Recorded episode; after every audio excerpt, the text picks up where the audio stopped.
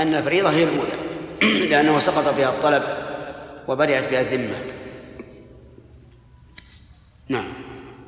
وحدثني يحيى بن حبيب الحارثي قال حدثنا خالد بن الحارث قال حدثنا شعبة عن بدين قال سمعت أبا العالية يحدث عن عبد الله. قال سمعت أبا الع...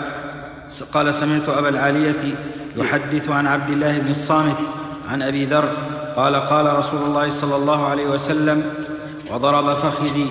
كيف أنت إذا بقيت في قوم يؤخرون الصلاة عن وقتها؟ قال قال ما تأمر؟ قال صل الصلاة لوقتها ثم اذهب لحاجتك فإن أقيمت الصلاة وأنت في المسجد فصل. وحدثني زهير بن حرب قال حدثنا إسماعيل بن إبراهيم عن أيوب عن أبي العالية البراء عن أبي العالية البراء قال أخر ابن زياد الصلاة فجاءني عبد الله بن الصامت فألقيت له كرسيا فجلس عليه فذكرت له صنيع ابن زياد فعض على شفته وضرب فخذي وقال إني سألت أبا ذر كما سألتني فضرب فخذي كما ضربت فخذك. وقال إني سألت رسول الله صلى الله عليه وسلم كما سألتني فضرب فخذي كما ضربت فخذك. وقال صل الصلاة لوقتها فإن أدركتك فإن أدركتك الصلاة معهم فصل ولا تقل إني قد صليت فلا أصلي. وحدثنا عاصم بن النضر التيمي قال حدثنا خالد بن الحارث قال حدثنا شعبة عن أبي نعامة عن عبد الله بن الصامت عن أبي ذر قال قال كيف أنتم أو قال كيف أنت إذا بقيت في قوم يؤخرون الصلاة عن وقتها فصل الصلاة لوقتها ثم إن أقيمت الصلاة فصل معهم فإنها زيادة خير. وحدثني أبو غسان المسمعي قال حدثنا معاذ وهو ابن هشام قال حدثني أبي عن مطر عن أبي العالية البراء قال قلت لعبد الله بن الصامت نصلي يوم الجمعة خلف أمراء فيؤخرون الصلاة. قال فضرب فخذي ضربة. قال فضرب فخذي ضربة أوجعتني وقال سألت أبا ذر عن ذلك. فضرب فخذي وقال سألت رسول الله صلى الله عليه وسلم عن ذلك فقال صلوا الصلاة لوقتها واجعلوا صلاتكم معهم نافلة. قال وقال عبد الله ذكر لي أن نبي الله صلى الله عليه وسلم ضرب فخذ أبي ذر.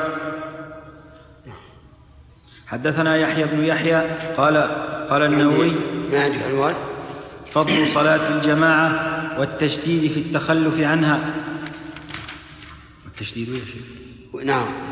باب فضل باب فضل الجماعة. باب فضل الجماعة والتشديد في التخلف عنها. التشديد.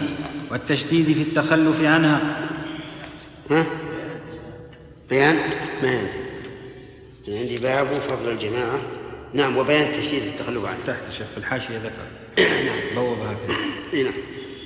قال مسلم حدثنا يحيى بن يحيى قال قرأت على مالك عن ابن شهاب عن سعيد بن المسيب عن أبي هريرة أن رسول الله صلى الله عليه وسلم قال صلاة الجماعة أفضل من صلاة أحدكم وحده بخمسة وعشرين جزءا. حدثنا أبو بكر بن أبي شيبة قال حدثنا عبد الأعلى عن معمر عن الزهري عن سعيد بن المسيب عن أبي هريرة عن النبي صلى الله عليه وسلم أنه قال تفضل صلاة في الجميع على صلاة الرجل وحده خمسا وعشرين درجة. قال وتجتمع ملائكة الليل وملائكة النهار في صلاة الفجر. قال أبو هريرة اقرأوا إن شئتم وقرآن الفجر. إن قرآن الفجر كان مشهودا. وحدثني أبو بكر بن إسحاق قال حدثنا أبو اليمان قال أخبرنا شعيب عن الزهري قال أخبرني سعيد وأبو سلمة أن أبا هريرة قال سمعت النبي صلى الله عليه وسلم يقول بمثل حديث عبد الأعلى عن معمر إلا أنه قال بخمس وعشرين جزءا. وحدثنا عبد الله بن مسلمة بن قعنب قال حدثنا أفلح عن أبي بكر بن محمد بن عمرو بن حزم عن سلمان الأغر عن أبي هريرة قال قال رسول الله صلى الله عليه وسلم صلاة الجماعة تعدل خمسا وعشرين من صلاة الفذ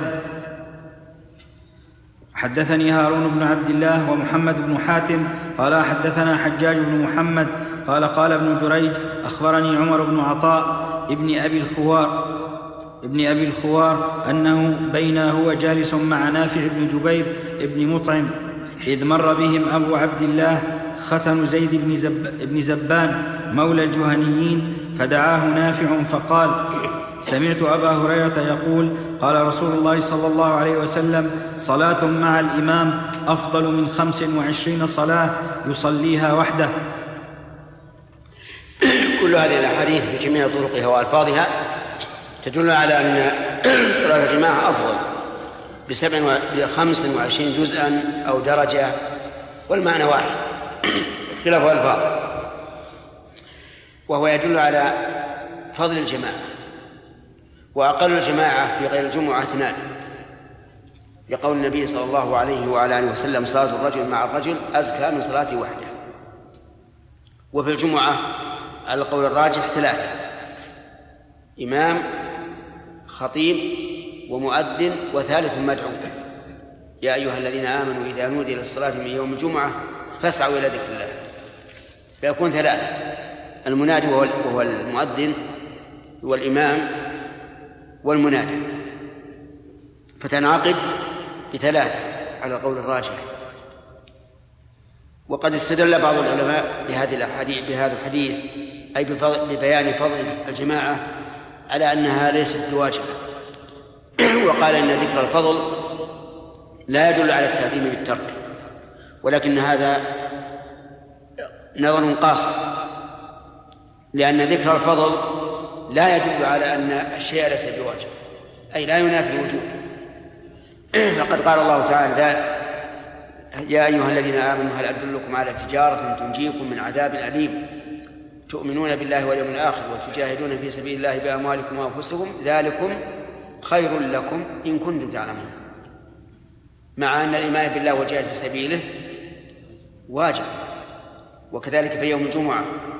قال فاسعوا إلى ذكر الله وذروا البيع ذلكم خير لكم إن كنتم تعلمون. فذكر الخيرية والأفضلية لا ينافي الوجوب نعم لو لم لو لم يوجد إلا ذلك لكان هذا دليل على أنه لا يجب. لكن عندنا أدلة أخرى تدل على وجوب الجماعة. قال شيخ الإسلام رحمه الله وقد اتفق العلماء على أن صلاة الجماعة من أجل الطاعات وافضل القربات. لكن اختلفوا في الوجوب هل هي واجبة وجوب عين أو وجوب كفاية أو سنة؟ والأصح أنها واجبة وجوب عين. نعم.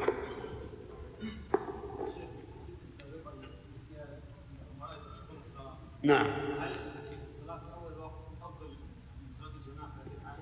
لا هم هم سيصلون في أول وقت ويصلون مع الجماعة مع الجماعة إذا أقامها الأمراء. إذا إذا لم فهذا مثل ما لو لم مثل مثل ما لو لم يدركها في غير هذه الحال. تسقط عنه.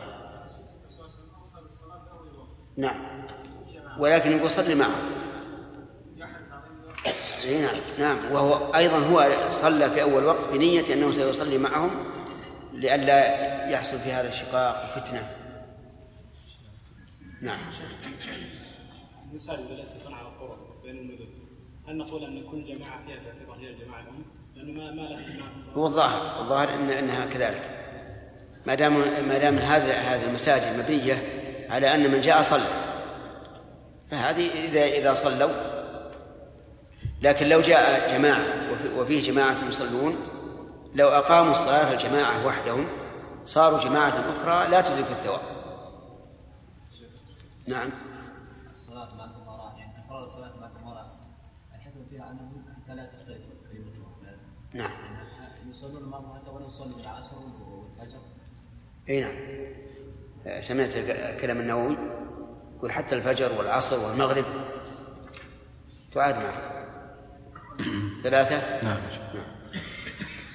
حدثنا يحيى بن يحيى قال قرأت على مالك عن نافع عن ابن عمر أن رسول الله صلى الله عليه وسلم قال صلاة الجماعة أفضل من صلاة الفذ بسبع وعشرين درجة. حدثني زهير بن حرب ومحمد بن المثنى قالا حدثنا يحيى عن عبيد الله قال أخبرني نافع عن ابن عمر عن النبي صلى الله عليه وسلم أنه قال صلاة الرجل في الجماعة تزيد على صلاته وحده سبعا وعشرين. وحدثنا أبو بكر بن أبي شيبة قال حدثنا أبو أسامة وابن نمير حاء قال وحدثنا ابن نمير قال حدثنا أبي قالا حدثنا عبيد الله بهذا الإسناد قال ابن نمير عن أبيه بضعا وعشرين وقال أبو بكر في روايته سبعا وعشرين درجة. وحدثناه ابن رافع قال أخبرنا ابن أبي فدي قال أخبرنا الضحاك عن نافع عن ابن عمر عن النبي صلى الله عليه وسلم أنه قال بضعا وعشرين. وهذا كالذي قبله أي فيه بيان فضل صلاة الجماعة لكن هذا فيه زيادة درجتين. لأنه قال هنا سبع وعشرين. تزيد على صلاته وحده سبعا وعشرين. سبع وعشرين درجة. وقد اختلف العلماء رحمهم الله في الجمع بين الحديثين. ولكنه لا يحتاج إلى كبير عناء لأن الجمع بينهما أن يقال إن فضل الله سبحانه وتعالى واسع وأن حديث ابن عمر فيه زيادة فتكون هذه الزيادة من فضل الله عز وجل. يعني كان الأول خمسة وعشرين والثاني سبعا وعشرين وهذا جواب ليس فيه تكلف.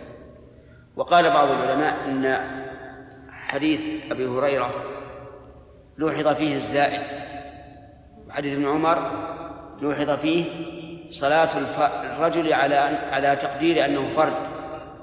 هذه واحدة. وعلى تقدير أنه مع جماعة هذه اثنين. والفضل خمس وعشرين لكن هذا فيه شيء من التكلف. والأسلم والأسهل أن نقول فضل الله واسع وقد زاد الله تعالى من فضله فكانت بسبع وعشرين درجة. نعم. وحدثني عمرو الناقد. سؤال؟ نعم.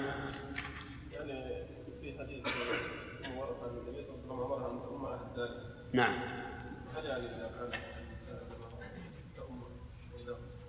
هذه مسألة مسألة الجماعة للنساء مختلف فيها.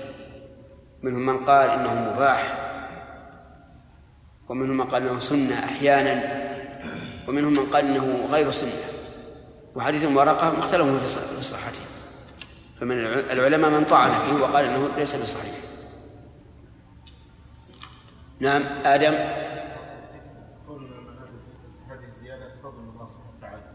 ما يحتاج من ذلك العلم حديث الزياده جاء بعد 25 ما ندري. ما ندري. ولكن إذا كان زائدا فهو سيكون بعده بالضرورة. نعم. بارك الله فيكم. صلاة الرجل مع أهله في البيت. هل تجزع صلاة الجماعة؟ وهل له في نفس الأجر؟ لا لا تجزع سيأتينا الحديث اللي بعد هذا. نعم. وحدثني عمرو الناقد. قال حدثنا سفيان بن عيينة عن أبي الزناد عن الأعرج عن أبي هريرة أن رسول الله صلى الله عليه وسلم فقد ناسا في بعض الصلوات فقال لقد هممت أن آمر رجلا يصلي بالناس ثم أخالف إلى رجال يتخلفون عنها فآمر بهم فيحرق عليه فيحرق عليهم بحزم الحطب بيوتهم ولو علم أحدهم أنه يجد عظما سمينا لشهدها يعني صلاة العشاء.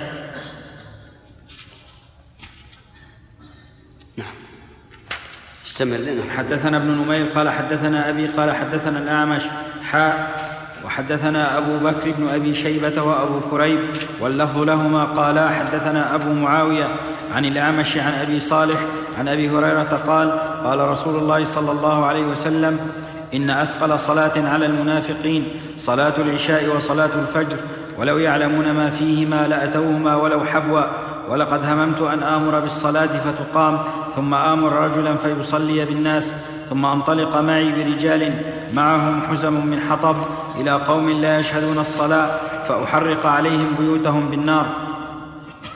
وحدثنا محمد بن رافع قال حدثنا عبد الرزاق قال حدثنا معمر عن همام بن منبه قال هذا ما حدثنا أبو هريرة عن رسول الله صلى الله عليه وسلم فذكر أحاديث منها وقال وقال رسول الله صلى الله عليه وسلم لقد هممت أن آمر فتياني ان يستعدوا لي بحزم من حطب ثم آمر رجلا في ثم آمر رجلا يصلي بالناس ثم تحرق بيوت على من فيها. وحدثنا زهير بن حرب هذا حديث حديث أبي هريرة بجميع ألفاظه وطرقه يدل على وجوب صلاه الجماعة. لأن النبي صلى الله عليه وعلى آله وسلم قال لقد هممت أن أحرق على المتخلفين بيوتهم. ولولا أن ذلك واجب ما صح أن يقول هذا الذي ذكره. قال بعضهم هذا لا يدل على الوجوب لأن النبي صلى الله عليه وعلى آله وسلم هم ولم يفعل فيقال الجواب على هذا من وجهين الوجه الأول أن أن الإمام أحمد روى في المسند زيادة لولا ما فيها من النساء والذرية. والنساء والذرية إذا أحرقوا هذا عقوبة بفعل غيره.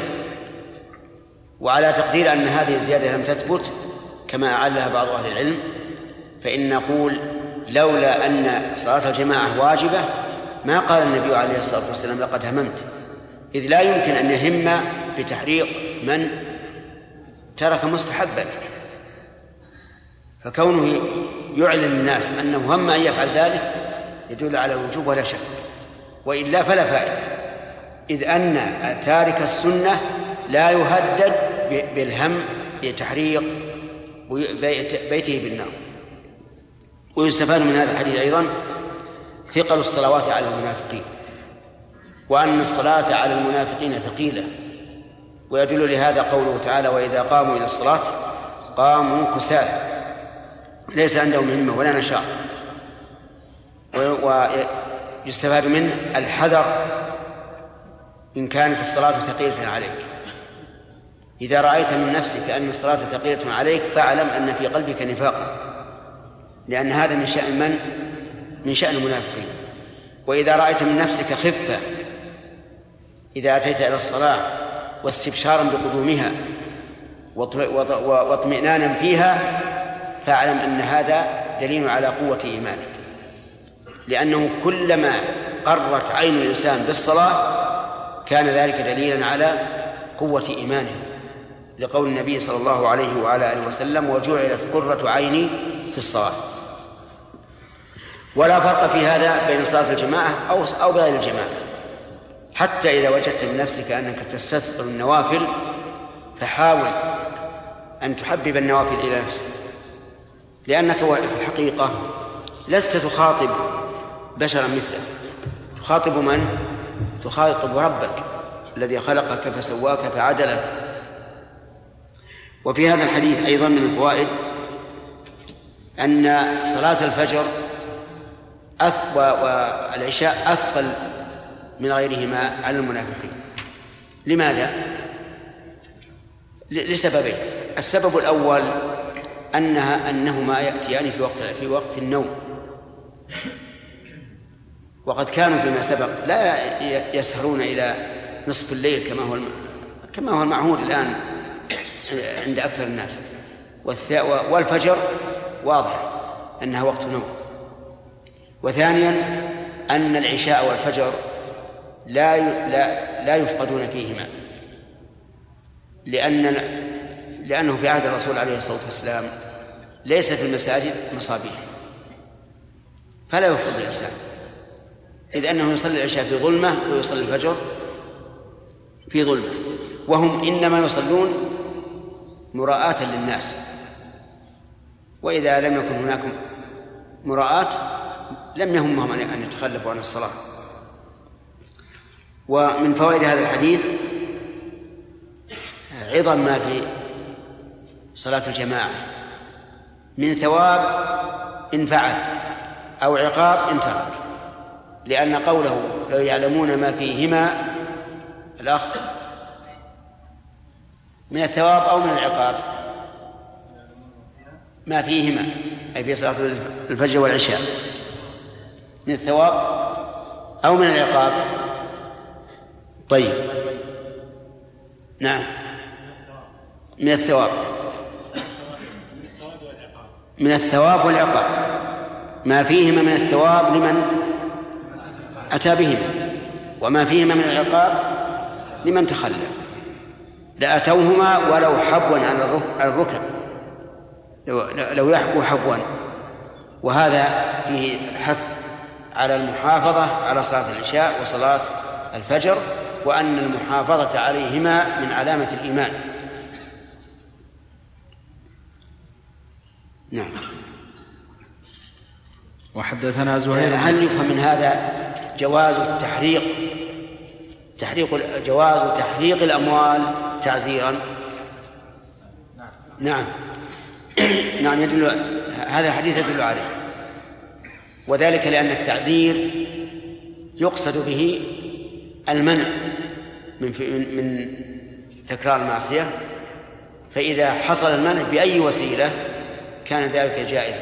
إلا إلا بوسيلة محرمة بعينها فهذا حرام. لكن بوسيلة محرمة لكونها عقوبة فهذا لا, لا بأس. ولهذا القول الراجح في التعزير أنه لا يتحدد بشيء معين.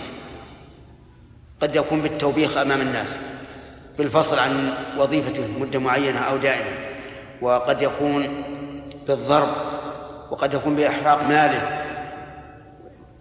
نعم عبد الحميد قلنا ان الصلاه الجماعه واجبه فاذا كان الانسان يصلي الجماعه لكن ما يصلي يصلي وحده فصلاته مجزئه نعم. يقول إذا قلنا بوجوب صلاة الجماعة وصلى الإنسان وحده بلا عذر فهل هي مجزئة أو لا؟ وهذا سؤال جيد. فنقول ذهب بعض أهل العلم إلى أن صلاته غير مجزئة وممن ذهب إلى ذلك الإمام أحمد رحمه الله في إحدى الروايات عنه وشيخ الإسلام ابن تيمية وابن عقيل من أصحابنا من ذوي الوجوه والترجيح. يقولون إنه إذا لم يصلي مع الجماعة مع القدرة فصلاته باطلة. ويقولون إن هذا هو القاعدة المضطردة لأنها إذا كانت واجبة فالقاعدة أن من ترك واجبا في العبادة عمدا بلا عذر فإنها تبطل. إلا الحج لأن الحج لا يمكن الخروج منه إلا بتمام النسك وعلى هذا فتبطل صلاته. ولا تقبل.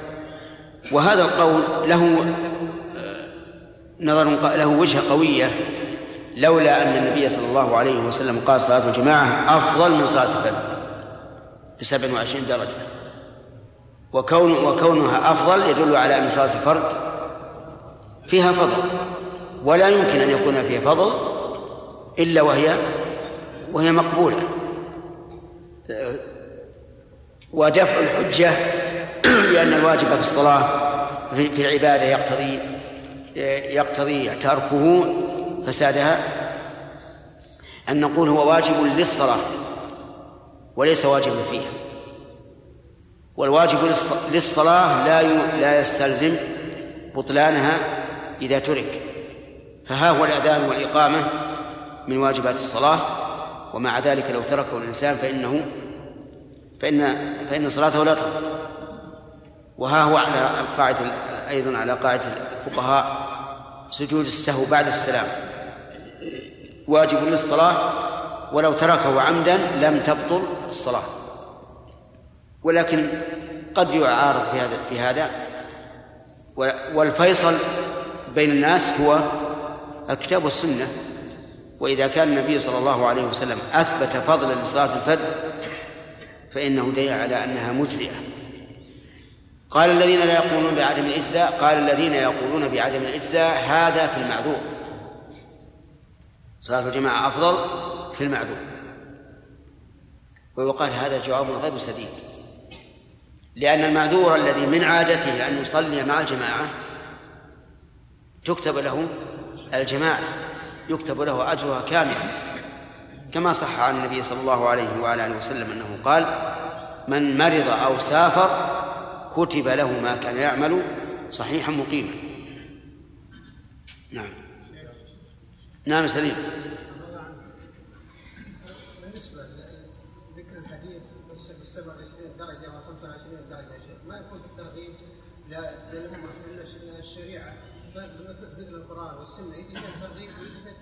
نعم. والحكم يؤخذ من غير الحديث أي حكم؟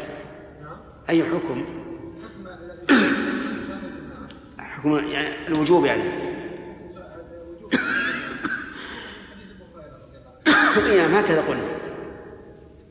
قلنا حديث أبي هريرة وابن عمر في فضل صلاة الجماعة لو لم يوجد سواه لكان القول بأنها بأنه دين على الأفضلية وأنه ليس بواجب وجيها لكن عندنا أدلة واضحة تدل على وجوب الجماعة. منها حديث أبي هريرة لقد هممت ومنها في القرآن في حال الجهاد ومقارعة الأعداء أمر الله بالصلاة الجماعه وإذا كنت فيهم فأقمت لهم الصلاة فلتقم طائفة منهم معك. شراب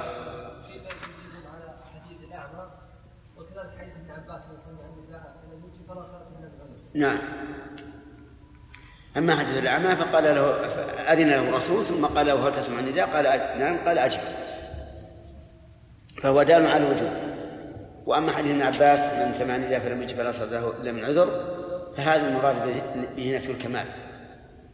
لأن نفي الكمال يرد كثيرا في القرآن والسنة. نعم. إيه لا ما لهم ما لهم جواب. يعني من أضعف الأقوال القول بأنها ليست واجبة نعم. وحدثنا زهير بن حرب وأبو كريب وإسحاق بن إبراهيم عن وكيع عن جعفر بن برقان عن يزيد بن الأصم عن أبي هريرة عن النبي صلى الله عليه وسلم بنحوه. وحدثنا أحمد بن عبد الله بن يونس قال حدثنا زهير قال حدثنا أبو إسحاق عن أبي الأحوص أنه سمعه منه عن عبد الله أن النبي صلى الله عليه وسلم قال لقوم قال لقوم يتخلفون عن الجمعة لقد هممت أن آمر رجلا يصلي بالناس ثم أحرق على رجال يتخلفون عن الجمعة بيوتهم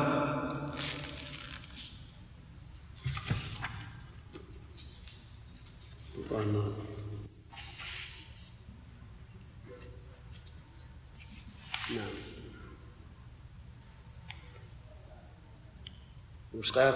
عن عبد الله يا شيخ نعم قال وحدثنا أحمد بن عبد الله بن يونس قال حدثنا زهير قال حدثنا أبو إسحاق عن أبي الاحوص سمعه منه عن عبد الله أن النبي صلى الله عليه وسلم قال لقوم يتخلفون عن الجمعة لقد هممت أن آمر رجلا يصلي بالناس ثم أحرق على رجال يتخلفون عن الجمعة بيوتهم. نعم. هذا لا لا لا يدل على أن ما سبق خاص في الجمعة لأن هذا ذكر بعض أفراد العام وقد ذكر الأصوليون أنه إذا ذكر بعض أفراد العام بحكم يوافق العام فإنه لا يقتضي التخصيص. وحدثنا قتيبة بن سعيد. عندي عندي ترجمة. طيب يا شيخ. باب يجب إتيان المسجد على من سمع النداء. ما عندي شيء. نعم. وحدثنا قتيبة بن سعيد وإسحاق بن إبراهيم وسويد بن سعيد ويعقوب الدورقي كلهم عن مروان الفزاري. قال قتيبة حدثنا الفزاري عن, عن عبيد الله بن الأصم. قال حدثنا يزيد بن الأصم عن أبي هريرة قال أتى النبي صلى الله عليه وسلم رجل أعمى فقال يا رسول الله إنه ليس لي قائد يقودني إلى المسجد. فسأل رسول الله صلى الله عليه وسلم أن يرخص له. فيصلي في بيته فرخص له فلما ولى دعاه فقال هل تسمع النداء بالصلاة؟ فقال نعم. قال فأجب. في هذا الحديث دليل على وجوب الصلاة على الأعمى صلاة الجماعة. لأن النبي صلى الله عليه وعلى آله وسلم قال لهذا الرجل أجب. وفيه دليل على وجوب التفصيل في الجواب. إذا كان الأمر يقتضي ذلك. وفيه دليل على رجوع الإنسان على فتواه إذا خالفت الشريعة. لأن النبي صلى الله عليه وسلم رجع عن الفتوى الأولى حين رخص له قبل أن يستفصل منه. وفيه دليل على أنه لا يلام الإنسان إذا رجع عن فتواه. بل يحمد على ذلك. وقد أمر عمر بن الخطاب رضي الله عنه أبا موسى الأشعري بهذا. فقال لا يمنعنك قضاء قضيته بالأمس أن ترجع إلى الحق أو كلمة نحوها فإن الرجوع إلى الحق خير من التمادي في الباطل.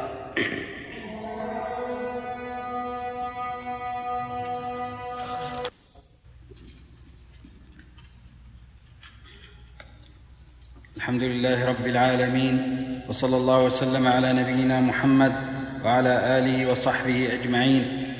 قال الشيخ مسلم بن الحجاج رحمه الله تعالى في باب فضل صلاة الجماعة والتشديد في التخلف عنها. حدثنا أبو بكر بن أبي شيبة قال حدثنا محمد بن بشر العبدي قال حدثنا زكريا بن أبي زائدة قال حدثنا عبد الملك بن عمير عن أبي الأحوص قال قال عبد الله لقد رأيتنا وما يتخلف عن الصلاة إلا منافق قد علم نفاقه أو مريض إن كان المريض ليمشي بين رجلين حتى يأتي الصلاة. وقال إن رسول الله صلى الله عليه وسلم علمنا سنن الهدى وإن من سنن الهدى الصلاة في المسجد الذي يؤذن فيه. بسم الله الرحمن الرحيم. يقول لقد رأيتنا وما يتخلف عنها إلا نعم. رأيتنا وما يتخلف عن الصلاة إلا منافق قد علم نفاقه. رأيتنا يعني الصحابة وما يتخلف عنها إلا منافق لأن المنافقين يتخلفون عن صلاة عن صلاة الجماعة. وأثقل ما عليهم صلاة العشاء وصلاة الفجر. قال أو مريض. ومع ذلك استدرك. فقال إن كان المريض ليمشي بين بين رجلين حتى يأتي إلى الصلاة حتى يأتي الصلاة. إن هذه مخففة من من الثقيلة. والمعنى إنه كان. يؤتى يهادى بين الرجلين حتى يقام في الصف وهؤلاء هم الذين عرفوا قدر الفضل والأجر. لأن صلاة الجماعة أفضل من صلاة الفذ بسبع وعشرين درجة. وأي إنسان عاقل بصير لا يرى أن هذا فضل عظيم. إذا فاته فقد خسر. ولهذا كان الرجل يؤتى به يمشي بين الرجلين لا يستطيع أن يمشي وحده حتى يقام في الصف. وقال إن رسول الله صلى الله عليه وسلم علمنا سنن الهدى أي طرقه وإن من سنن الهدى الصلاة في المسجد الذي يؤذن فيه. وهذه جمل من سياق أحسن من هذا سيذكره المؤلف رحمه الله. نعم. حدثنا أبو بكر بن أبي شيبة قال حدثنا الفضل بن دكين عن أبي العميس عن علي بن الأقمر عن أبي, عن أبي الأحوص عن عبد الله قال من سره أن يلقى الله غدا مسلما فليحافظ على هؤلاء الصلوات حيث ينادى, حيث ينادى بهن فإن الله شرع لنبيكم صلى الله عليه وسلم سنن الهدى وإنهن من سنن الهدى. ولو أنكم صليتم في بيوتكم كما يصلي هذا المتخلف كما يصلي هذا المتخلف في بيته لتركتم سنة نبيكم. ولو تركتم سنة نبيكم لضللتم. وما من رجل يتطهر فيحسن الطهور ثم يعمد إلى مسجد من هذه المساجد إلا كتب الله له بكل خطوة يخطوها حسنة ويرفعه بها درجة. ويحط عنه بها سيئه ولقد رأيتنا وما يتخلف عنها إلا منافق معلوم النفاق. ولقد كان الرجل يؤتى به يهادى بين الرجلين حتى يقام في الصف. الله هذا الكلام لولا أنه صريح في أنه موقوف على عبد الله بن مسعود.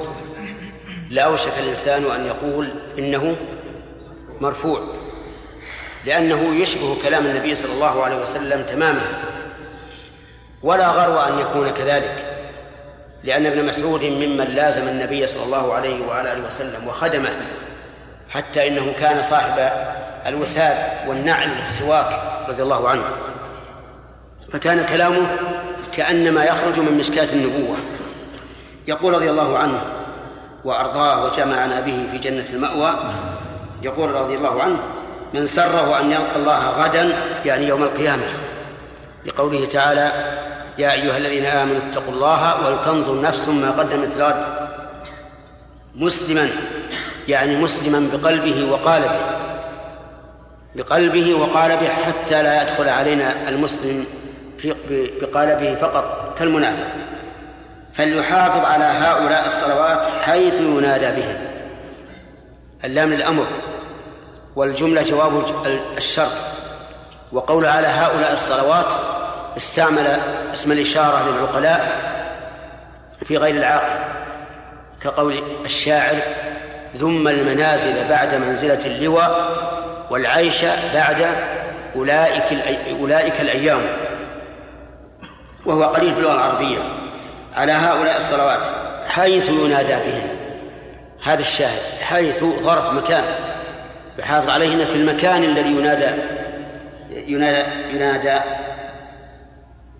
بهن وهو المسجد لأنه هو الذي ينادى بالصلاة فيه. فإن الله شرع لكم فإن الله شرع لنبيكم سنن الهدى أي طرقه. وشرع هنا من التشريع وهو الشرعة وهو الطريق. ومنه لفظ الشارع. وإذا قال شرع فإنه يشمل الواجب والمستحب. وسنن الهدى الواجبة والمستحبة لأن المراد بالسنن هنا الطرق وليس المراد بالسنة ما يقابل الواجب. وإنهن من سنن الهدى. إنهن أي الصلوات حيث ينادى بهن من سنن الهدى. ولو أنكم صليتم في بيوتكم كما يصلي هذا المتخلف في بيته لتركتم سنة نبيكم ولو تركتم سنة نبيكم لضللتم. صدق رضي الله عنه. لو أن الناس صلوا في بيوتهم كما يصلي هذا المتخلف لتركوا سنة النبي ولأصبحت المساجد مهجورة ولما كانت البلاد بلادا إسلامية في ظاهرها لأن كل إنسان يصلي في بيته ولا يدرى أصلى أم لا. ولكن الله تعالى أوجب الصلوات على على المسلمين جماعة حتى يتبين الحق. ثم قال وما من رجل يتطهر فيحسن الطهور ثم يعمد إلى مسجد من هذه المساجد إلا كتب يتطهر فيحسن الطهور بمعنى أنه يأتي به على صفة ما جاء عن رسول الله صلى الله عليه وعلى آله وسلم مخلصا لله في ذلك. ثم يعمد أن يقصد إلى مسجد من هذه المساجد إلا كتب الله له بكل خطوة يخطوها حسنة ويرفعه ويرفعه بها درجة ويحط عنه بها سيئة. هذه ثلاث فوائد. الأولى إيش؟ أن يكتب له حسنة ثاني يرفع له بها درجة. ثالث يحط عنه بها سيئة. وهذا الكلام له حكم الرفع لأن مثله لا يقال في الرأي. فإن ترتيب الثواب على عمل من الأعمال لا يمكن أن يقاس أو يثبت بالرأي. ولهذا نقول إن الصحابي إذا قال قولا لا مجال للرأي فيه فهو من المرفوع حكما كما نص على ذلك أهل المصطلح. ولقد رأيتنا وما يتخلف عنها إلا منافق معلوم النفاق. وعلى هذا فيقاس الرجل في صدق إيمانه بشهوده الجماعة. إذا عرف أنه محافظ على الجماعات علم أنه مؤمن. وإذا رؤي كسولا متخلفا ففيه خصلة من النفاق. فقد يكون منافقا خالصا والعياذ بالله وقد يكون فيه خصلة من من المنافقين. ولقد كان الرجل يؤتى به يهادى بين الرجلين.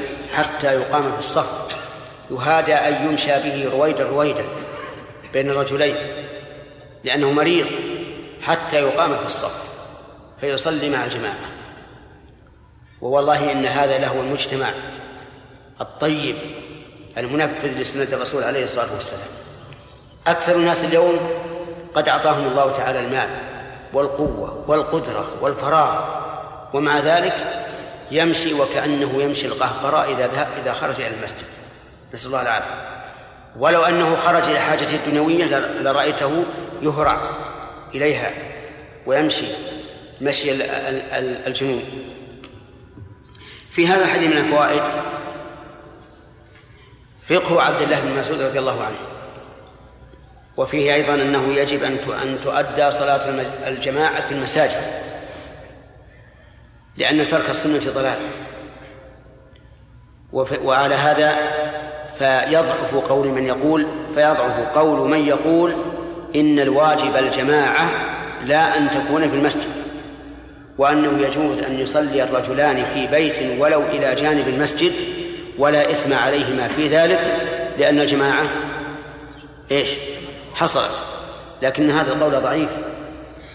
القول بأن الجماعة لا تجب في المساجد ضعيف جدا.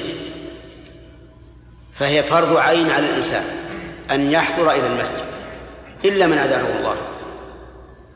وفيها أيضا فضيلة فضيلة قصد المسجد بعد كمال الطهارة. وعلى هذا فإذا خرجت من بيتك وأنت تعلم أن في المسجد محل للوضوء فالأفضل أن تتوضأ في بيتك ولا تؤخر الوضوء حتى تأتي المسجد. لأنك إذا توضأت في بيتك خرجت وأنت متطهر ترتقب الأجر من الله. وفيه أيضا أن المشي إلى الجماعة يحصل فيه هذه الفوائد الثلاث الحسنة ورفع الدرجات تكفير السيئات. وفيه أنه لا حرج على الإنسان أن يتكلف في في أداء الواجب.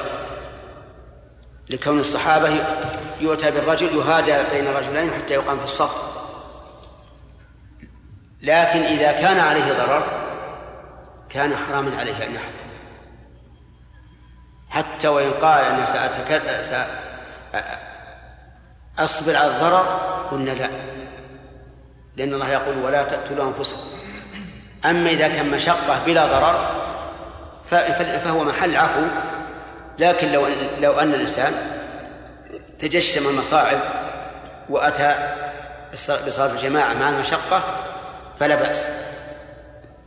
وفيه دليل على جواز استعانة الإنسان بأخيه في أداء الواجب لكون الرجل يأتي يؤتى به يهادى بين الرجلين حتى يقام في الصف. وفيه أيضا دليل على وجوب المصافة لقوله حتى يقام في الصف وأنه من المعهود المعروف عند الصحابة أنه لا بد أن يقوم الإنسان في الصف. وعلى هذا تدل أدلة أخرى كثيرة. نعم.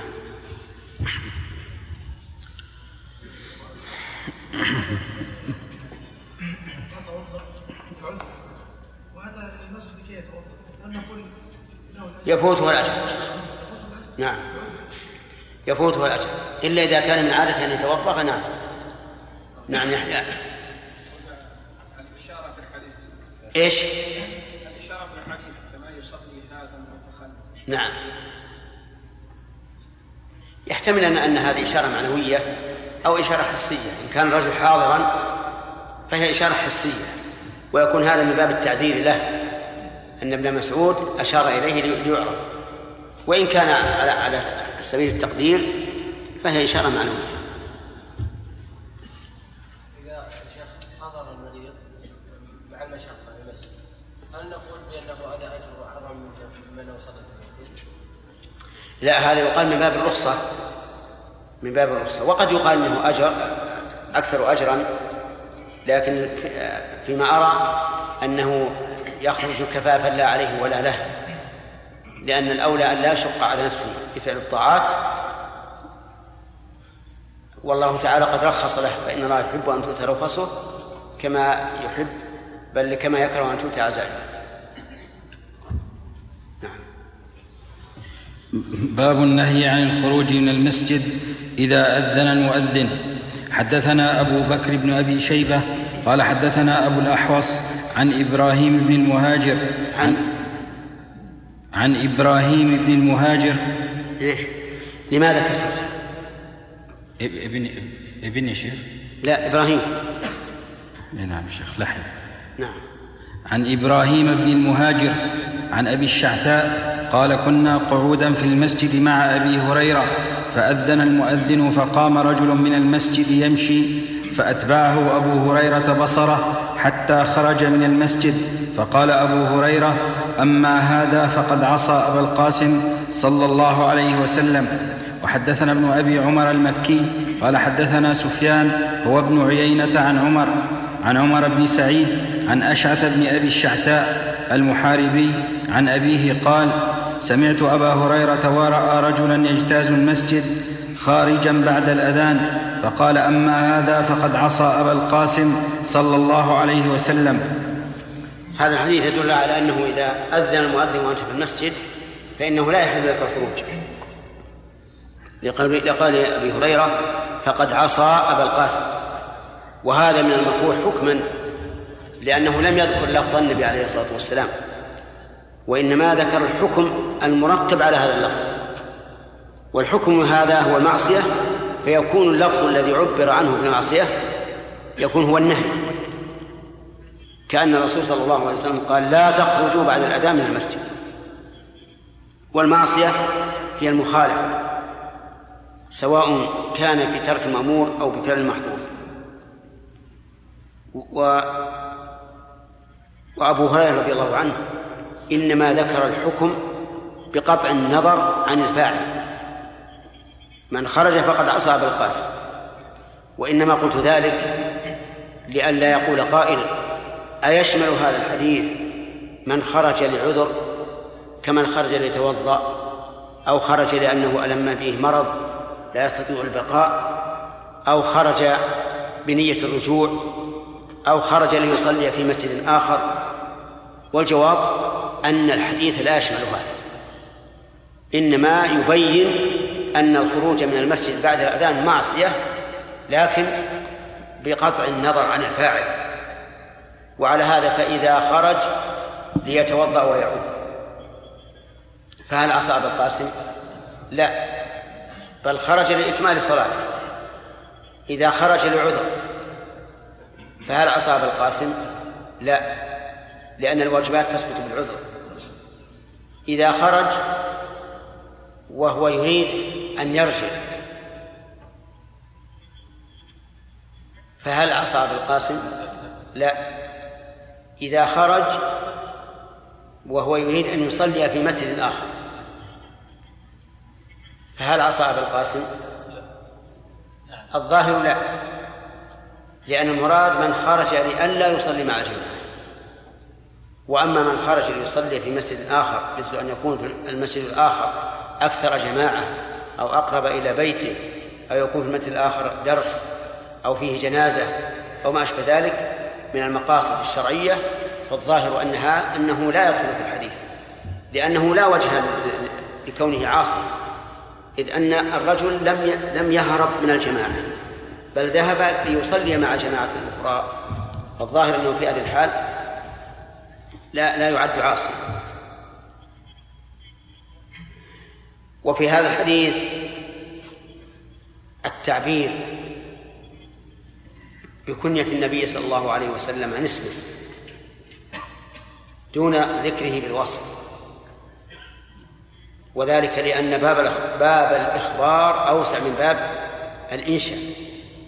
فأنا يجوز أن أقول قال محمد رسول الله و ولكن لو لو ناديته فقد قال الله تعالى لا تجعلوا دعاء الرسول بينكم كدعاء بعضكم بعضا بل نادوه بوصف الرسالة ووصف النبوة وما أشبه ذلك. وفيه أيضا في هذا الحديث الإشارة إلى عدم التسرع على الفاعل إلى عدم التسرع بالحكم على الفاعل. فإن أبا هريرة لم يتكلم حتى رأى الرجل خارجا. ولا تتكلم على الرجل بمجرد أن يقوم من الصف أو من المجتمع. ربما يقوم ليجلس في مكان آخر في نفس المسجد. لكن إذا خرج فحينئذ تكلم عليه بما يستحق نعم. ها؟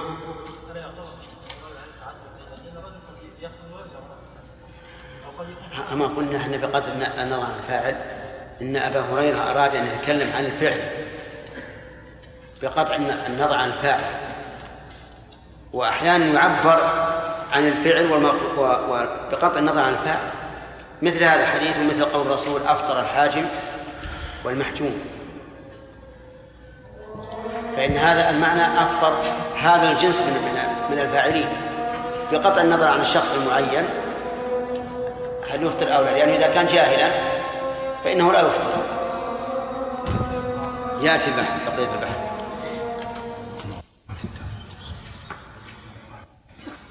أقول إن هذا من أبي هريرة حكم على الفعل بقطع النظر عن الفاعل. أحيانا يذكر الصحابة رضي الله عنهم الفتوى أو الحكم مطلق ويقيد بالنصوص. مثل حكمهم على من جامع وهو محرم بفساد النسك وقضائه والبدنة وما أشبه ذلك. ظن بعض العلماء أن هذا يعني أنه لا يعذر فيه بالجهل أو النسيان. قالوا لأنه ورد عن الصحابة أن هذا هو الحكم ولم يستفصله. فيقال إن الصحابة رضي الله عنهم يذكرون الحكم بقطع النظر عن موانعه؟ وكذلك أفطر الحاجم والمحجوم لما مر النبي صلى الله عليه وسلم برجلين أحدهما يحجم الآخر. في رمضان. قال أفطر الحاجم والمحجوم أورد ابن القيم على شيخه رحمه الله قال إنك تقول بأن المعذور بالجهل لا يفطر ولو فعل المفطر. وهذا أن الرجال لا يعلم. فقال ابن تيمية رحمه الله المقصود بيان الحكم بقطع النظر عن هذا.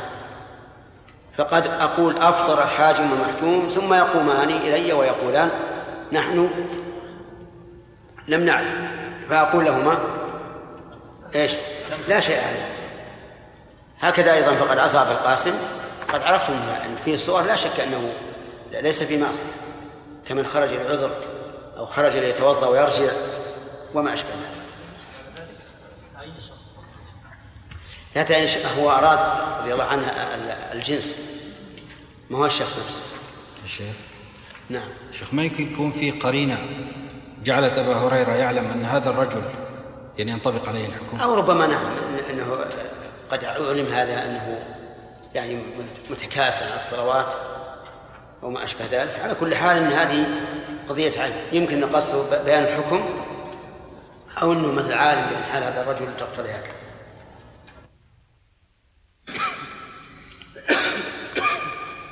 كان الأخ عبد الرحمن بن داود الله يرحمه يجمع المهم من صحيح مسلم أليس كذلك؟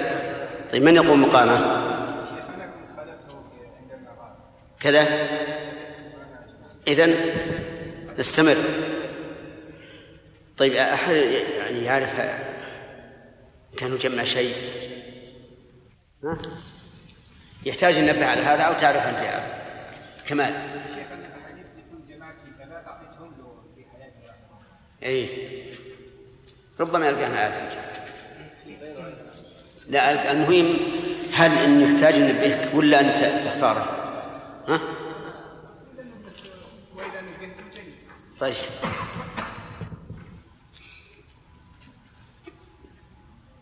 بسم الله. بسم الله الرحمن الرحيم. الحمد لله رب العالمين. أهل البحرين يا يا أهل البحرين نعم يا شيخ وياكم بدأ الدرس الآن. بارك الله فيك. جزاك الله خير إن شاء الله. نعم. الحمد لله رب العالمين وصلى الله وسلم على نبينا محمد وعلى آله وصحبه أجمعين. قال الشيخ مسلم بن الحجاج الشير النيسابوري رحمه الله تعالى في باب النهي عن الخروج عن الخروج من المسجد إذا أذن المؤذن.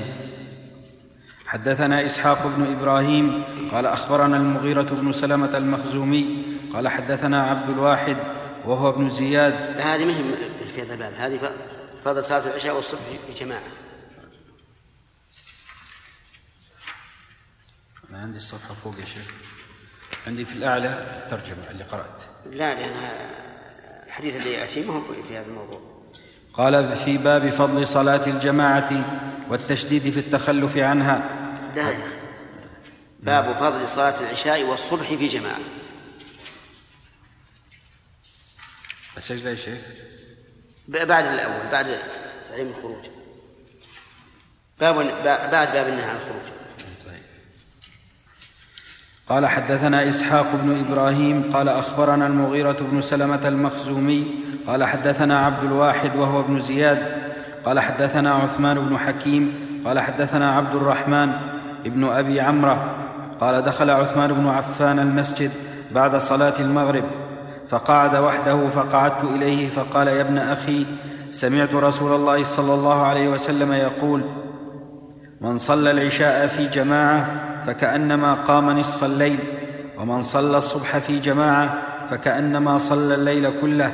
وحدثنيه زهير بن حرب قال حدثنا محمد بن عبد الله الأسدي حاء وحدثني محمد بن رافع قال حدثنا عبد الرزاق جميعا عن سفيان عن أبي سهل عثمان بن حكيم بهذا الإسناد مثله. وحدثني نصر بن علي. وجه الفضيلة ظاهر. أن من صلى العشاء فكأنما قام نصف الليل ومن صلى الصبح فكأنما قام الليل كله يعني الصبح مع العشاء. فتكون نصف الليل للعشاء ونصف الليل للصبح. نعم.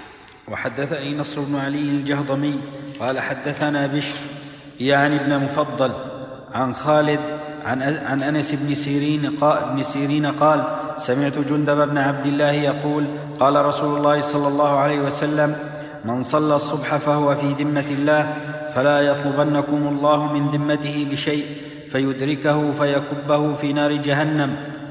وحدثنيه يعقوب بن إبراهيم الدورقي قال حدثنا إسماعيل عن خالد عن أنس بن سيرين قال سمعت جندبا القسري يقول قال رسول الله صلى الله عليه وسلم من صلى صلاة الصبح فهو في ذمة الله فلا فلا يطلبنكم الله من ذمته بشيء فإنه من يطلبه من ذمته بشيء يدركه ثم يكبه على وجهه في نار جهنم. وحدثنا أبو بكر بن أبي شيبة قال حدثنا يزيد بن هارون عن داود بن أبي هند عن الحسن عن جندب بن سفيان عن النبي صلى الله عليه وسلم بهذا ولم يذكر فيكبه في نار جهنم. هذا الحديث أيضا فيه دليل على فضيلة صلاة الصبح. وأن من صلى الصبح فهو في ذمة الله عز وجل أي في عهده وأمانه. وإذا كان في عهد الله وأمانه لزمه أن يراعي هذا العهد والأمان فلا يخالف الله تعالى في شيء لأنه إذا خالف الله فهو بمنزلة نقض العهد. ولهذا قال فلا يطلبنكم الله من ذمته بشيء. ولكن ظاهر الحديث من صلى الصبح أنه سواء صلاها في جماعة أو في غير جماعة مع أن الترجمة في فضل صلاة العشاء والفجر في الجماعة. فإما أن يكون هناك رواية أخرى أو لفظ آخر يقيد الحديث أو يقال إن هذا يقيده قول الرسول عليه الصلاة والسلام أثقل الصلاة على المنافقين صلاة العشاء وصلاة الفجر. وإن حمل على ظاهره وإطلاقه ففضل الله واسع. وإنما نص على الصبح لأنها تأتي في وقت النوم الذي قد يكون أريح ما يكون لكثير من الناس. لا سيما في عصرنا هذا حيث كان الناس يسهرون الليالي ثم تكون نومتهم في آخر الليل. ما ذكر ما أشار إلى الرواية الثانية؟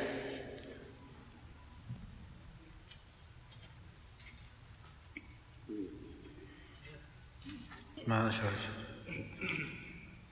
لماك النووي نعم ما أشار تكلم على الذمة فقط. نعم.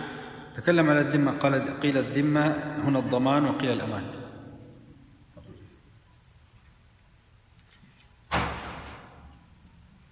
نعم. عندك شيء؟ نعم. الصبح في جماعة فهو في ذمة الله وفي عهده. فإن عصاه فقد نقض عهده. نعم. هل تكون المعصية لمن صلى الصبح أعظم من المعصية لمن لم يصلي؟ بناء على بناء على مراعاة هذا العهد. بناء على مراعاة هذا العهد. وإذا عصى الله بعد صلاة الفجر يكبه في النار. نعم. لعل المراد المعصية الكبيرة التي التي يعذب عليها ولا بد. نعم تكلم على هذا. ما تكلم نعم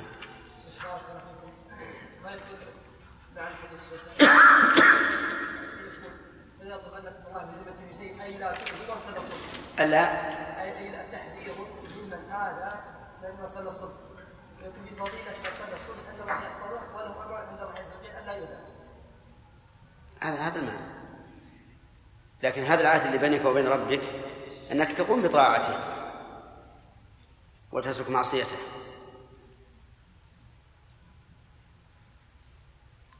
ما ذكر شيء في الشرح ما ذكر شيخ أبدا. أبدا. وش وش قال في الشرح؟ ما تكلم إلا هذه الكلمة. هو الأول تكلم على الإسناد. سمعت جندبا القصري؟ بس. تكلم على الإسناد. كل شيخ الكلام على نعم. كل الكلام على جندب القصري. خير إن شاء الله نعم يراجع إيه؟ كيف؟ راجع فيه في شرح الآبي أو غيره نعم ها؟ أفهم إن شاء الله بعدين حدثني حرملة بن يحيى التجيبي قال أخبرنا ابن وهب قال أخبرني يونس عن ابن شهاب أن محمود بن الربيع الأنصاري حدثه أن عتبان بن مالك وهو من أصحاب النبي صلى الله عليه وسلم ممن شهد بدرا من الأنصار أنه أتى رسول الله صلى الله عليه وسلم فقال يا رسول الله إني قد أنكرت بصري وأنا أصلي لقومي وإذا كانت الأمطار سال الوادي الذي بيني وبينهم فلم ولم أستطع أن آتي مسجدهم فأصلي لهم ووددت أنك يا رسول الله تأتي فتصلي في مصلى فاتخ- فاتخذه مصلى. فقال فقال رسول الله صلى الله عليه وسلم سأفعل إن شاء الله. قال عتبان فغدا رسول الله صلى الله عليه وسلم وأبو بكر الصديق حين ارتفع النهار فاستأذن رسول الله صلى الله عليه وسلم فأذنت له فلم يجلس حتى دخل البيت. ثم قال أين تحب أن أصلي من بيتك؟ قال فأشرت إلى ناحية من البيت. فقام رسول الله صلى الله عليه وسلم فكبر فقمنا وراءه فصلى ركعتين ثم سلم. قال وحبسناه على خزير صنعناه له. قال فثاب رجال من أهل الدار حولنا. حتى اجتمع في البيت رجال رجال ذو عدد فقائل فقال قائل منهم فقال قائل منهم أين مالك بن الدخشن؟ فقال بعضهم ذلك منافق لا يحب الله ورسوله. فقال رسول الله صلى الله عليه وسلم لا تقل له ذلك. ألا تراه قد قال لا إله إلا الله يريد بذلك وجه الله؟ قال قالوا الله ورسوله أعلم. قال فإنما نرى وجهه ونصيحته للمنافقين. قال فقال رسول الله صلى الله عليه وسلم فإن الله قد حرم على النار. من قال لا إله إلا الله يبتغي بذلك وجه الله. قال ابن شهاب ثم سألت الحسين بن محمد الأنصاري وهو أحد بني سالم وهو من سراتهم عن حديث محمود بن الربيع فصدقه بذلك. هذا الحديث أيضا فيه دليل على الرخصة في ترك صلاة الجماعة للعذر. والأعذار ربما تض- تضبط بضابط وهو كل كل ما يخل بالخشوع. كل ما يخل بالخشوع وحضور القلب فإنه عذر في ترك الجماعة. كانحباس البول والغائط والريح والبرد الشديد والأمطار وما أشبه ذلك. فهي يجمعها أنها تفوت الخشوع أو توجب المشقة في الحضور. هذا الحديث فيه فوائد. منها تواضع النبي صلى الله عليه وعلى آله وسلم في إجابة دعوة أصحابه وإن كانوا بعيدين. لأن النبي صلى الله عليه وعلى آله وسلم أج- أجاب دعوة عتبان بن مالك رضي الله عنه. ومنها التبرك بآثار النبي صلى الله عليه وعلى آله وسلم حيث طلب عتبان منه أن يصلي في مكان من بيته ليتخذه مصلى. وهل يلحق به غيره ممن ممن ورثه في العلم والعبادة والدعوة؟ لأن العلماء ورثة الأنبياء أو يقال إن هذا خاص بالنبي. الصحيح أنه خاص بالنبي وأنه لا يلحق به غيره. حتى وإن كان ممن ورث النبي صلى الله عليه وعلى آله وسلم في العلم والدعوة والعبادة. لأن مثل هذه الأمور لو كان يلحق به غيره لكان أول من يلحق به مثل أبي بكر وعمر رضي الله عنهما. ولم يحصل ذلك في عهد الصحابة. وعلى هذا فمن خطأ أن الإنسان يأتي بشيخ إلى بيته ويقول صلي في هذا المكان لأتخذه مصلى. ومنها جواز النافلة جماعة. لكن هذا في بعض الأحيان لا دائما وقد ثبت ذلك عن النبي صلى الله عليه وسلم في عدة قضايا. فمنها صلاة الليل ربما صلاها جماعة. كما صلى معه عبد الله بن عباس وعبد الله بن مسعود وحذيفة بن اليمان. وصلى أيضا أنس واليتيم وراءه في نافلة. المهم أن أنه إذا كان ليس شيئا راتبا فلا بأس به. وأما شيء راتب يتفق عليه مثل أن يقال نجتمع الليلة أو نجتمع كل ليلة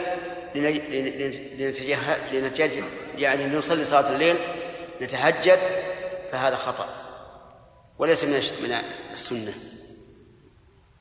ومنها فضيلة أبي بكر الصديق رضي الله عنه وأنه ملازم للرسول عليه الصلاة والسلام. قل أن يذهب النبي صلى الله عليه وسلم مذهبا إلا ومعه أبو بكر. فهو أخص أصحابه به وأحب أصحابه إليه وخير أصحابه رضي الله عنه فيجب أن نعرف له فضله على نبينا على هذه الأمة وكذلك نعرف فضل الله عليه بصحبته وملازمته للنبي صلى الله عليه وعلى آله وسلم. ولا شك أن صحبته للرسول المنة فيها لمن؟ لله ورسوله. ومن فوائد هذا هذا الحديث فائدة مهمة وهو أنه ينبغي الإنسان أن يبدأ بما هو من شأنه بمعنى أن يبدأ بالمقصود قبل كل شيء. لأن النبي صلى الله عليه وسلم حين وصل إلى البيت سأل أين تريد أن أصلي؟ ولم يجلس ليأكل الطعام المقدم له وإنما سأل أين يصلي. فينبغي لك أن أن تبادر بفعل المقصود ولا تتأخر. وهذا ينبغي أن يسير عليه طالب العلم حتى في مراجعته للعلم. أحيانا تريد أن تراجع مسألة من المسائل. تمسك الكتاب تستعرض الفهرس ثم تقع عينك على شيء يعجبك. فتترك ما ما تريد مراجعته مراجعته إلى هذا الذي أعجبك فيضيع عليك الوقت. وأكثر ما يكون هذا في مراجعة فتاوى شيخ الإسلام ابن تيمية رحمه الله. تراجع الفهرس وأنت تريد تريد مسألة معينة ثم يمر بك أثناء المراجعة مسألة تروق لك. تترك الذي أنت تريد إلى هذا. هذا هذا غلط. هذا يضيع عليك الوقت ويشتت الفكر. كذلك أيضا من فوائد هذا الحديث تواضع النبي عليه الصلاة والسلام تواضعا يعرفه أصحابه منه. ولهذا قدم لهم في الأكل خزيرة.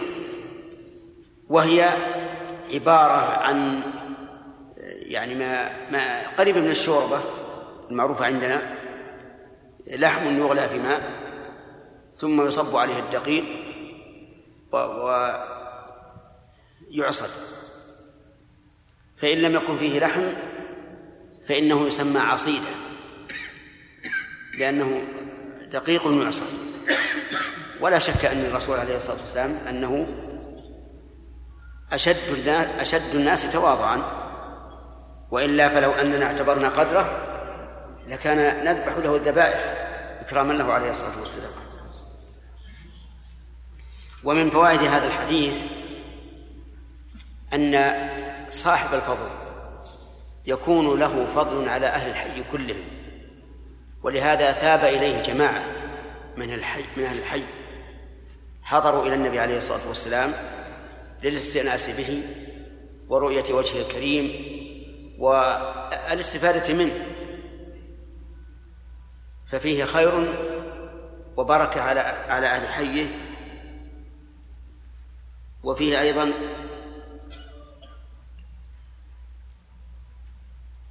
أن السنة للمأمومين أن يكونوا خلف الإمام لقوله فصلينا خلفه.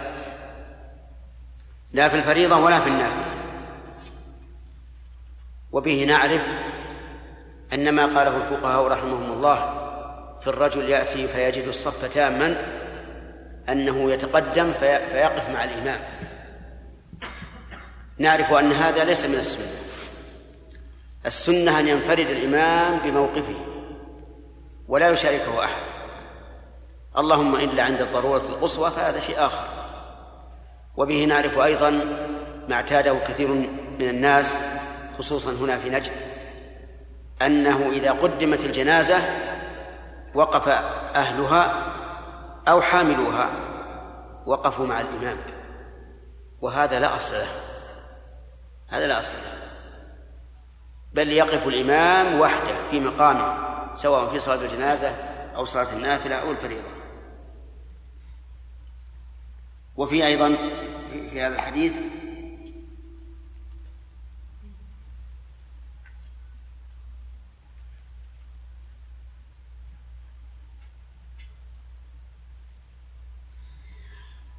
في هذا الحديث أيضا دليل على الذب عن عرض المسلم عن عن عرض المسلم.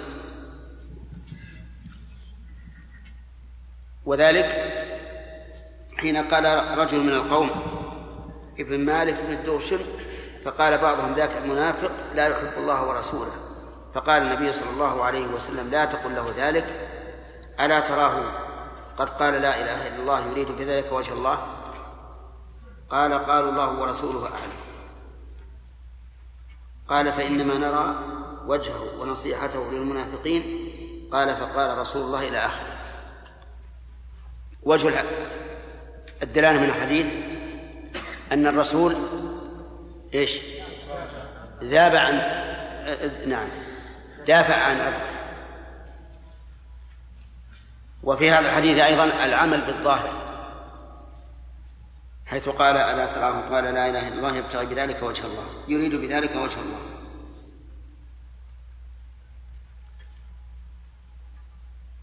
وجه ذلك أن النبي صلى الله عليه وسلم حمل الظاهر حمل الباطن على الظاهر. حمل الباطن على الظاهر. الباطن ما هو؟ ما في قلبه أنه يبتغي بلا إله إلا الله وجه الله. وأما الظاهر فهو يقول ذلك. اللهم إلا أن يدعي مدع أن الرسول عليه الصلاة والسلام عنده علم بأن هذا الرجل آه، عنده إخلاص. فيكون هذا من خصائص الرسول عليه الصلاة والسلام. كما قال في الرجل الذي كان يؤتى به إليه وهو يشرب الخمر فيؤتى به إليه كثيرا. فأخبر النبي النبي صلى الله عليه وسلم أن هذا الرجل الذي يكثر شرب الخمر أنه يحب الله ورسوله. وهذا ممكن. فالآن إما أن نقول إن في هذا الحديث دليلا على العمل بالظاهر وأنه إذا أبدى لنا إنسان خيرا فإننا نحمله على أن باطنه يوافق ظاهره وإما أن يقول وإما أن نقول إن هذا من خصائص من خصائص الرسول عليه الصلاة والسلام. وفي هذا الحديث أيضا العمل بالقرائن. لأن هذا الذي استدل لأن هذا الذي وصف هذا الرجل بأنه منافق لا يحب الله ورسوله استدل بأنه يوالي المنافقين. وهذا لا شك أنه عمل بالظاهر. والأدلة على هذه القاعدة وهي العمل بالظاهر كثيرة جدا في القرآن وفي السنة وفي كلام العلماء رحمهم الله. نعم. بالقرائن والظاهر. القرائن من من الأمر الظاهر.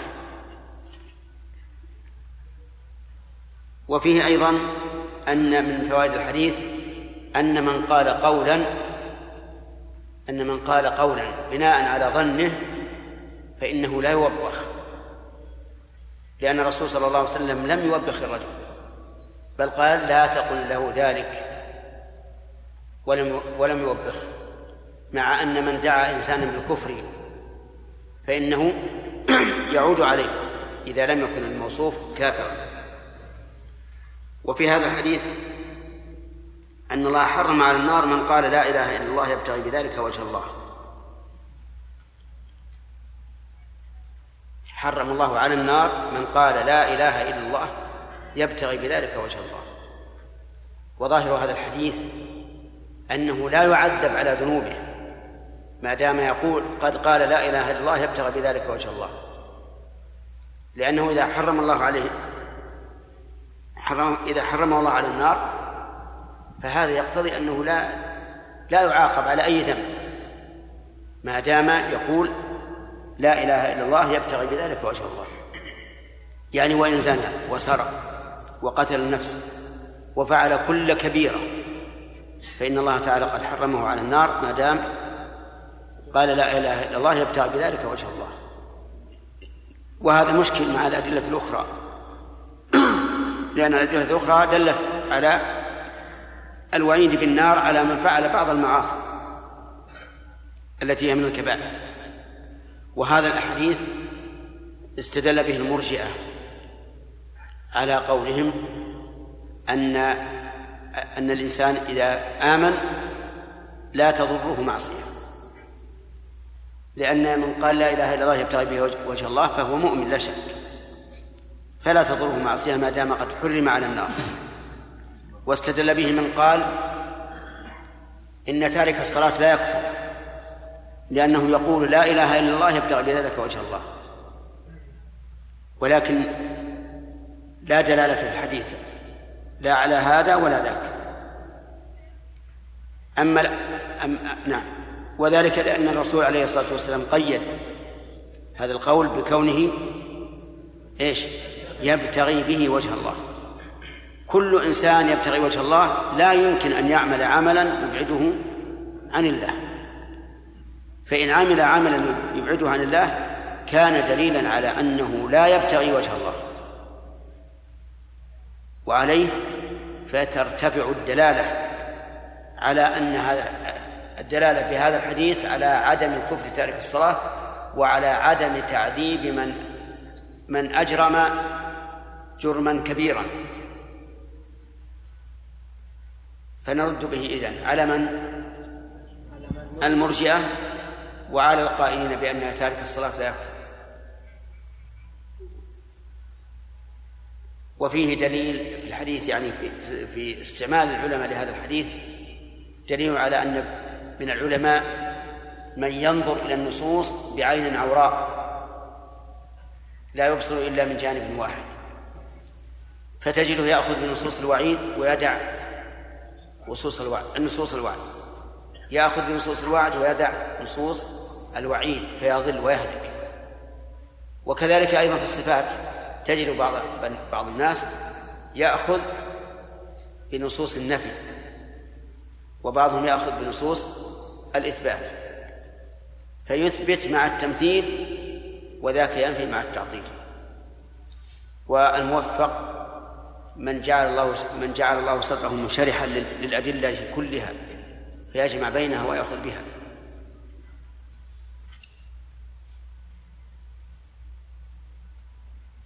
وفيه فضيلة لا إله إلا الله إذا ابتغى بها الإنسان وجه الله.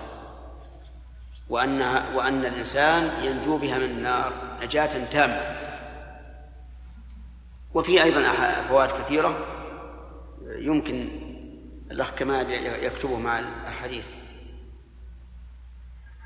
نعم. سليم. هل متى الرسول صلى الله عليه وسلم يريد بذلك وجه الله؟ يريد يدل على ان الرسول صلى الله عليه وسلم علم من ذلك. نعم وما الرجل يعني ابن الجوشي أي نعم. هل متى الرسول صلى الله عليه وسلم يريد بذلك وجه الله؟ هذا يحتمل أن الرسول صلى الله عليه وسلم علم منه أنه يريد بذلك. نعم. هو قلنا في احتمالين إما أنه علم أو أن عملا بالظاهر والقرائن. نعم. جزاك الله خير. شيخ قلنا أنه لا يسن أن يقف المأموم على يمين اليسار آه، يمين الإمام. نعم. شيخ حديث ابن عباس في الصحيحين. يقول وقفت على يسار النبي صلى الله عليه وسلم هذا اثنين بارك الله فيك. إذا صار إمام ومأموم واحد لا بد يقف جنبه. لأنه لا بد من المصافحة في الجماعة. هذا في الاثنين يعني؟ الاثنين لازم يقف, يقف إلى جنبه. نعم. شيخ بارك الله فيك. يعني نحن نعتقد الذي قلتم لكن لو أورد علينا مرجئي قوله اعتراض يعني على ما فسرنا به الحديث يعني ذكرنا للقيد وقال إنما ذكر هذا النبي صلى الله عليه وسلم قد ذكر قوله قد قال نبتغي بذلك وجه الله في مقابل قول قائل آه، أن هذا قد وجهه للمنافقين. يعني في في مقابل كون الرجل هذا يعمل عمل ظاهره آه، معصية. ومع ذلك النبي صلى الله عليه وسلم قال يعني أنه يبتغي بذلك وجه الله. نعم. يعني أن من قال لا إله إلا الله يبتغي بذلك وجه الله. أي نعم. يعني فكيف نرد عليه؟ نرد عليه أن هذا الرجل إذا كان وجه المنافقين فلا بد أنه يعتقد أنه يتقرب إلى الله بهذا الاتجاه. فصار يبتغي بوجه الله.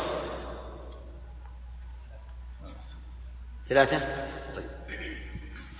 وحدثنا محمد بن رافع وعبد بن حميد كلاهما عن عبد الرزاق قال أخبرنا معمر عن الزهري قال حدثني محمود بن ربيع عن عتبان بن مالك. آه. أنا قلت ابن مالك بن بن دوشن وغلط قالوا أين مالك؟ وعندكم هكذا؟ إيه. أين مالك بن دخشن اللي عنده ابن يعدلها. نعم. قال حدثني محمود بن ربيع عن عتبان بن مالك قال أتيت رسول الله صلى الله عليه وسلم وساق الحديث بمعنى حديث يونس غير أنه قال فقال رجل أين مالك بن الدخشن أو الدخيشن؟ وزاد في الحديث قال محمود فحدثت بهذا الحديث نفرا فيهم أبو أيوب الأنصاري فقال ما أظن رسول الله صلى الله عليه وسلم قال ما قلت؟ قال فحلفت إن رجعت إلى عتبان أن أسأله قال فرجعت إليه فوجدته شيخا فوجدته شيخا كبيرا قد ذهب بصره وهو إمام قومه فجلست إلى جنبه فسألته عن هذا الحديث فحدثنيه كما حدثنيه أول مرة.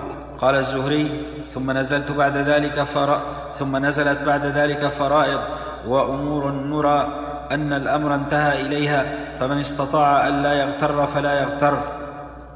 رحمه الله. الزهري رحمه الله أشار بهذا إلى دفع تمسك المرجئة بهذا الحديث. يقول إنها بعد ذلك نزلت آه، أمور وفرائض لا بد منها. ولكن يقال أولا لا بد أن نعلم أن هذا الحديث كان في أول الهجرة. فلا بد من العلم بالتاريخ. وثانيا لا حاجة إلى هذا لأن هذا القيد يبتغي به بذلك وجه الله يلزم القائل بالقيام بالواجبات وترك المحرمات. لأنه ليس من المعقول أن الشخص أن يقول أنا أريد أنا أريد أن أصل إلى البلد الفلاني. ثم يسلك طريقا معوجا يمينا وشمالا. كل من قال ذلك قلنا أنك كاذب. لو كنت تريدها حقا لسلكت الطريق القويم الذي يوصلك إليه. نعم. لكن إنكار أبو أيوب يا شيخ. نعم. إنكار أبي أيوب. عن على. قال ما أظن. قال ما أظن لأنه خاف ما خاف منه الزهري. وحدثنا إسحاق بن إبراهيم قال أخبرنا الوليد بن مسلم عن الأوزاعي قال حدثني الزهري عن محمود بن الربيع قال إني لاعقل مجة مجها رسول الله صلى الله عليه وسلم من دلو في دارنا. قال محمود فحدثني عتبان بن مالك. قال قلت يا رسول الله إن بصري قد ساء وساق الحديث إلى قوله فصلى بنا ركعتين وحبسنا رسول الله صلى الله عليه وسلم على جشيشة صنعناها له ولم يذكر ما بعده من زيادة يونس ومعمر. ومجها وله خمس سنوات كما في البخاري. وقد أخذ العلماء من هذا أنه يصح تحمل الراوي ولو كان له خمس سنوات. وأخذ منه أيضا أخذوا منه أن التمييز لا يتقيد بسبع سنين بل يكون بما دون ذلك. لكن الغالب أنه لا يكون إلا بعد تمام سبع سنوات. هذا الغالب. وكما أنه يوجد من يميز قبل السبع يوجد من لا يميز إلا إلا بعد الثامنة. نعم. باب جواز الجماعة في النافلة والصلاة على الحصير وغيرها. حدثنا يحيى بن يحيى قال قرأت على مالك عن إسحاق بن عبد الله بن أبي طلحة عن أنس بن مالك أن جدته مليكة دعت رسول الله صلى الله عليه وسلم لطعام صنعته فأكل منه ثم قال قوموا فأصلي لكم. قال أنس بن مالك فقمت إلى حصير لنا قد اسود من طول ما لبس فنضحته بماء فقام عليه رسول الله صلى الله عليه وسلم وصففت أنا واليتيم وراءه والعجوز من ورائنا فصلى لنا رسول الله صلى الله عليه وسلم ركعتين ثم انصرف. في هذا الحديث جواز النافلة لكن لا دائما بل لعارض. وهذا يشبه حديث عثمان بن مالك السابق. وفيه أيضا دليل على جواز دعوة المرأة للرجل. لكن بشرط أن لا يلزم من ذلك محذور بأن يكون هذا الرجل شريفا في قومه بعلمه أو ماله أو كبر سنه أو ما أشبه ذلك. وفي أيضا دليل على جواز مصافة الصبي لقول أنس رضي الله عنه صففت أنا واليتيم وراءه. وفيه أيضا دليل على أن الثلاثة يكون إمامهم أمامهم. وهذا نسخ لما كان في أول الإسلام.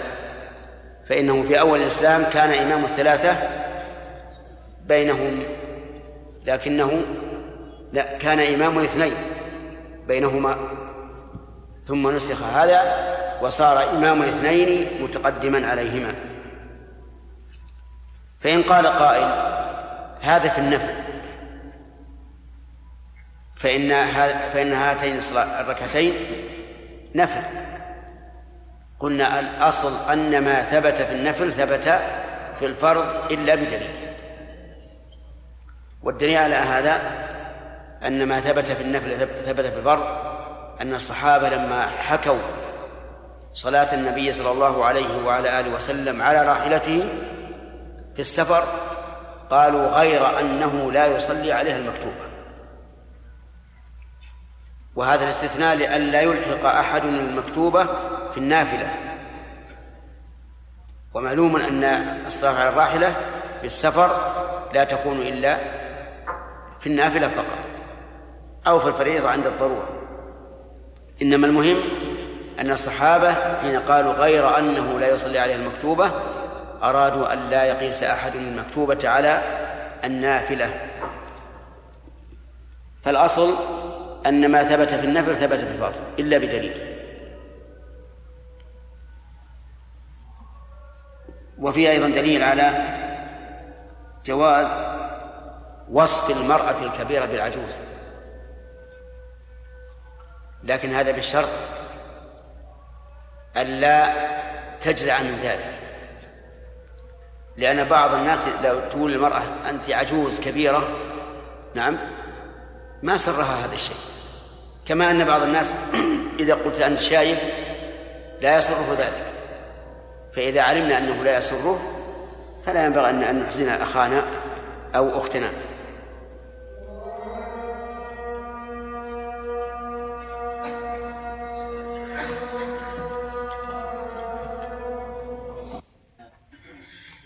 نعم. بسم الله الرحمن الرحيم. الحمد لله رب العالمين وصلى الله وسلم على نبينا محمد وعلى آله وصحبه أجمعين. قال الشيخ مسلم بن الحجاج رحمه الله تعالى وحدثنا شيبان بن فروخ وأبو الربيع كلاهما عن عبد الوارث. قال شيبان حدثنا عبد الوارث عن أبي التياح عن أنس بن مالك قال كان رسول الله صلى الله عليه وسلم أحسن الناس خلقا فربما تحضر الصلاة وهو في بيتنا فيأمر بالبساط الذي تحته فيكنس ثم ينضح ثم. ثم يؤم رسول الله صلى الله عليه وسلم ونقوم خلفه فيصلي بنا وكان بساطهم من جريد النخل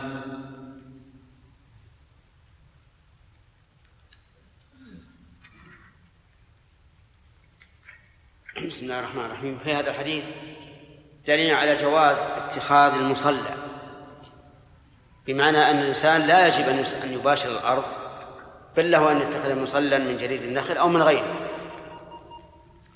لأنه إذا ثبت الجواز أي جواز عدم مباشرة الأرض حال السجود فلا فرق بين أن يكون من جريد النخل أو أو من غيره.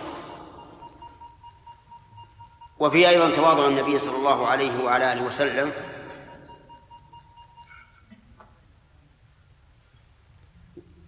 حيث كان يكنس له الفراش.